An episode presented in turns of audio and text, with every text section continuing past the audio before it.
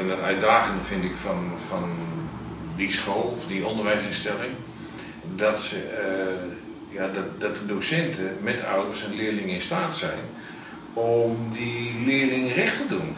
Dus om die leerling in, vanuit zijn omgeving en met zijn kenmerken ja, de regie te laten nemen over zijn eigen ontwikkeling. Zodat hij, en dat is, dat is de hoofdtaak van het, van het onderwijs, dat hij klaar staat om die samenleving in te gaan. Dat hij zelfstandig is. Dat hij zijn, zijn, zijn, zijn eigen route kan bepalen. Dat hij uh, weet waar hij naartoe wil. Dat hij invloed heeft op, op zijn eigen ontwikkeling. En dat je als onderwijsinstelling ja, daar richting aan kan geven. Aan die kwetsbare leerling. Ja, dat vind ik, vind ik geweldig goed. En dat, is, ja, dat, dat vind ik heel sterk. En, en, uh, en uitdagend en knap wat ze, wat ze daar verrichten.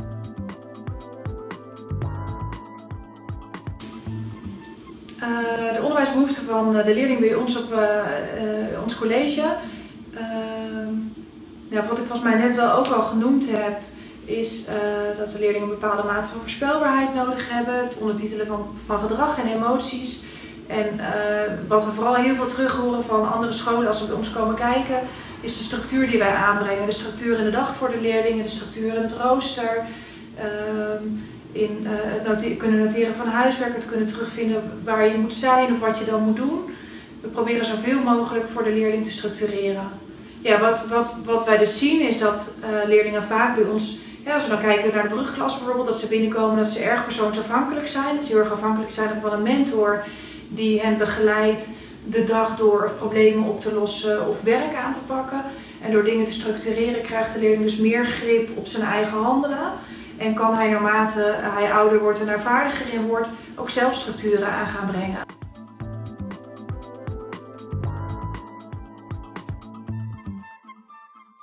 Nou, jawel. Kijk, passend onderwijs, daar versta ik onder allereerst wat Brechtje al vertelde, is dat je een kanteling uh, plaatsvindt van het medisch modeldenken. Uh, heel duidelijk wat, wat je in, in de school ziet, is dat men uh, het woord beperking achterlaat, maar uitgaat van de kwaliteit van de leerling.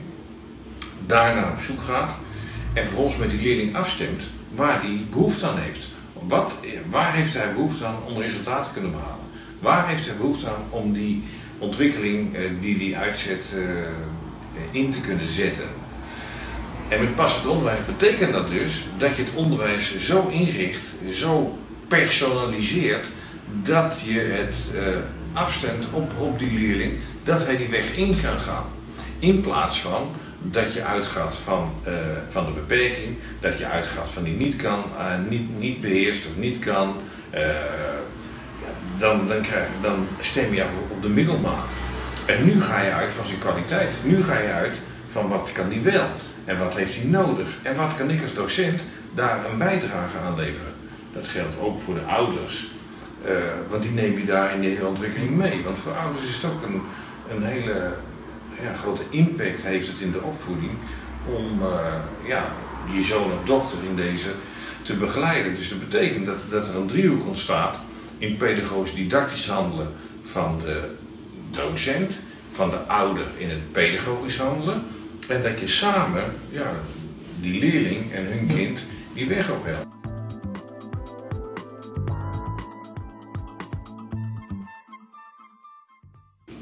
Uh, ja, dat doen we. Uh, elke leerling bij ons heeft een ontwikkelingsperspectiefplan.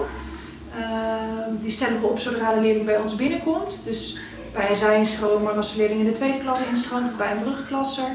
En daarin nemen we leerlingen en ouders mee welk perspectief wij haalbaar zien voor die leerling. en dat gebeurt dan in de eerste instantie op grond van dossier. En naarmate wij de leerling zelf leren kennen en, en met de leerling in gesprek zijn en met ouders, op grond ook van onze eigen observaties en resultaten. Uh, en daar staat dus in van, nou ja, bijvoorbeeld uh, het, vervolgonderwijs bijvoorbeeld, of dat een leerling uitstroomt naar arbeid. En als vervolgonderwijs is welk niveau van vervolgonderwijs.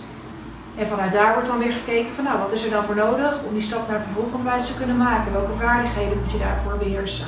Ik denk dat, nou, wat, wat in het artikel te lezen is, wij het op dit moment Bergen College nog zoveel zelfontplooiing of zelfontwikkeling noemen, uh, ook wel zelfstandig functioneren in de maatschappij. En dat we dus onze leerlingen door middel van het aanleren van die vaardigheden daarop voor willen bereiden. En uh, daarvoor zetten we, zetten we vanaf de onderbouw al bepaalde uh, middelen in om daar de leerlingen zo optimaal mogelijk op voor te bereiden en ze daarin te betrekken. Waar, waar, bijvoorbeeld een van de kerndoelen is het ontwikkelen van een toekomstperspectief. En dat heeft denk ik heel nauw betrekking op zelfontplooiing en ontdekken wie je zelf bent, weten wat je kan en wat je niet kan. Uh, weten van je eigen beperking. Uh, ook zicht hebben op later, op wonen, op werken, op voor jezelf kunnen zorgen. En dan de dingen die we dus daarin op in proberen te zetten is dus de Girls Only bijvoorbeeld. Waar de meiden dan uh, één keer in de twee weken bij elkaar komen om het over onderwerpen te hebben die de meiden aangaan. En uh, wat voor hen heel prettig kan zijn, omdat we gewoon weinig meiden bij ons uh, op school hebben. En ik, en ik vind dat een prachtig ja, voorbeeld en, uh, in het kader van Bibeldoen, omdat je op die manier die, die, die meisjes uh, niet alleen uh, ja, vanuit de seksualiteit, om het voorbeeld te noemen, vanuit één bepaalde perspectief bekijkt, maar je bekijkt het van verschillende andere perspectieven. Wat betekent, wat betekent het voor jou, wat betekent het voor de ander, wat betekent, wat, wat kan ik ermee, wat moet ik ermee, wat wil ik ermee. En het maakt je ook weerbaarder, want ze zijn kwetsbaar weerbaarder eh, binnen die samenleving. Denk aan alle digitale middelen die er voorhanden zijn. Waarbij het voor ouders toch heel erg spannend is van ja, hoe gaan we daarmee om en hoe gaat dat. Maar je maakt ze op die manier uh, ja, zelfstandiger en weerbaarder dat ze het hoofd kunnen bieden tegen zulke invloeden. Waardoor ze zelfverzekerd worden. Nou, dat vind ik ja, echt een heel krachtig voorbeeld van, van, van zijn eh, in, in deze. Je noemt het niet zo expliciet, maar impliciet dat je het zo van verschillende perspectieven uh, bekijkt en benadert, ja, je zie je dat, dat, dat, uh, ja, dat, dat die meisjes uh, gevormd worden, om zo te zeggen.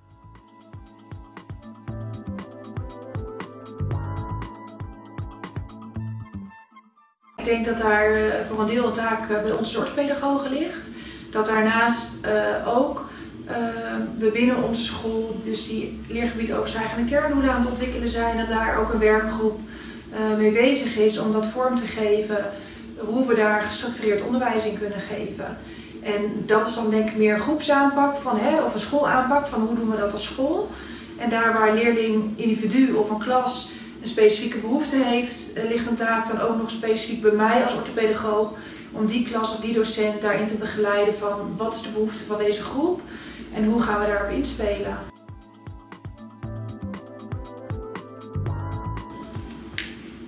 Nou ja, goed dat ik zeg, ze zijn er voldoende op voorbereid, maar je ziet wel uh, ja, dat, er, dat er een duidelijke richting in geslagen wordt. Dat zie je eigenlijk in, in het onderwijsaanbod dat studenten krijgen.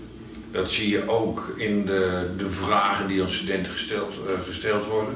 Dat zie je ook in de eisen die aan studenten gesteld worden.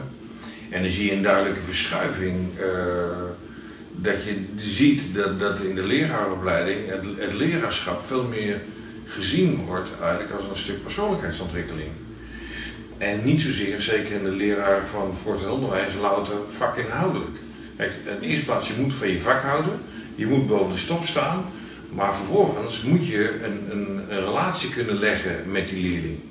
En als je, die, uh, ja, als je zegt 1 en 2 daarmee aan die eisen is voldaan, ik, ik hou van mijn vak en ik sta boven de stof, maar ik ben niet in staat om die relatie te leggen. Ik ben niet in staat om op zoek te gaan van hoe ik die leerling weet te bereiken of leerlingen weet te bereiken, ja, dan, dan ben ik niet geschikt voor mijn vak.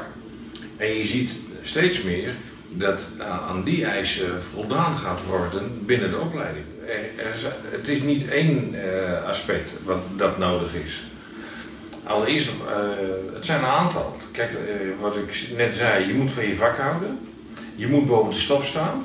Want het gaat ook een stuk kennis en vaardigheden die je aan moet leren. Er zijn bepaalde basisfuncties waar ze aan moeten voldoen. Maar vervolgens gaat het erom dat je in staat bent uh, voortdurend te reflecteren op je eigen handelen en te vragen bij jezelf, hoe kan het beter?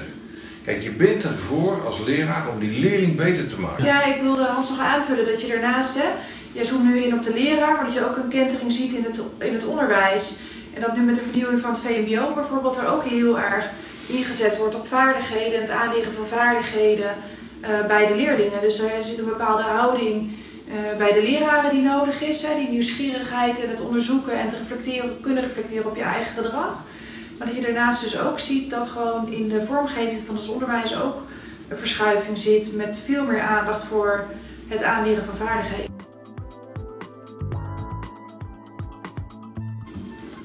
Ja, wat erachter ligt in het model, uh, en dat is eigenlijk de, de, de, de rode draad eigenlijk door het hele artikel. En dat, dat betogen wij eigenlijk met dit artikel. Dat je uh, de kennis uh, over, overdracht is eigenlijk vrij gering. Omdat namelijk een leerling in staat is om de kennis die hij van jou krijgt aangereikt, de richting die hij aangereikt krijgt, uh, hij zelf ook kennis vergaart en verzamelt in het informele leren. Die kennis is ongebreideld. Die haalt hij vanzelf overal ook vandaan. Jij moet er wel richting aan geven. Maar is dat nieuw? Ja, dat is heel nieuw. Uh, in zoverre nieuw, het is een revolutie. Maar even naar het uiteindelijke doel waar het om draait. Ik streef naar deep learning met, met, met, met ons onderwijs. En deep learning betekent eigenlijk dat een student of een leerling in staat is om te creëren, om zelf te ontwerpen, om uh, vanuit oplossingen te kunnen denken, dat hij zelf de regie in kan nemen. Nou, dan heeft hij eerst wat heeft hij die kennis nodig, die moet hij vergaren, dat doet hij wel zelf. Vervolgens moet hij dat met zijn medeleerling in een bepaalde context zetten. Essentieel is in dit hele proces, en dat zit in Girls Only, dat zit in de stage, dat zit op allerlei manieren, dat ze met elkaar de kennis in een bepaalde context zetten. En vervolgens wil ik in de hoogste fase terechtkomen, dat je dan in die bijeenkomst met die leraar, dat die ze tot een hoger plan weet te krijgen. Door zijn probleem voor te leggen, door een case voor te leggen, door een vraagstuk voor te leggen, waardoor ze al die voorafgaande faseringen ja, in, in kaart kunnen brengen. En als je, ja, we zijn er echt van overtuigd dat je op die manier je onderwijs inricht, en dan maakt niet eens uit of je nou VMBO, HAVO of gymnasium, die, die denkrichting ingaat, ja, dat die leerling beter wordt. Hij wordt beter. Want voorheen was het veelal zo dat hij afhankelijk werd van die leraar, omdat die leraar louter kennis overbracht. Ja, zo heb ik mijn HBS gehaald. Ik was keurig netjes dat ik dingen uit mijn hoofd leerde, netjes wist. En ik haalde mijn proefwerk en dat werd, eh, als ik als ik van mooi reproduceren, ja, dan was ik klaar.